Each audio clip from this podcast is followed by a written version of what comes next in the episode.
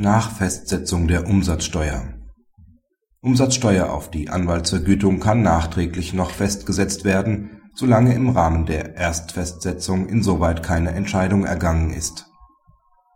Der Beschwerdeführer hatte im Kostenfestsetzungsverfahren zunächst angegeben, zum Vorsteuerabzug berechtigt zu sein, so dass die ihm entstandenen Anwaltskosten nur in Höhe der Nettovergütung festgesetzt wurden Später bemerkte er seinen Irrtum und beantragte die Nachfestsetzung der Umsatzsteuer.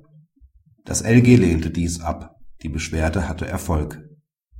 Soweit in einem ersten Kostenfestsetzungsantrag bestimmte Kostenpositionen nicht angemeldet worden sind, sei es bewusst oder versehentlich, können diese im Wege der sogenannten Nachfestsetzung jederzeit noch geltend gemacht und festgesetzt werden. Voraussetzung dafür ist lediglich dass keine bestandskräftige Entscheidung über diese Position vorliegt, dass die nachträglich angemeldeten Kosten also nicht im Kostenfestsetzungsbeschluss abgesetzt worden sind.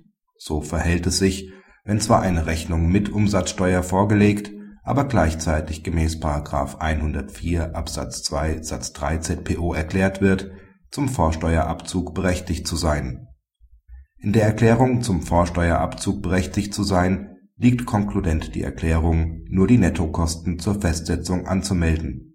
Eine Nachfestsetzung bleibt dann möglich. Praxishinweis Anders verhält es sich dagegen, wenn eine Kostenposition abgesetzt worden ist. In einem solchen Fall ist über die betreffende Position bereits entschieden worden. Da der Beschluss nach zwei Wochen bestandskräftig wird, steht seine Rechtskraft einer Nachfestsetzung entgegen. Hätte das Gericht also die Umsatzsteuer abgesetzt wäre eine Nachfestsetzung ausgeschlossen gewesen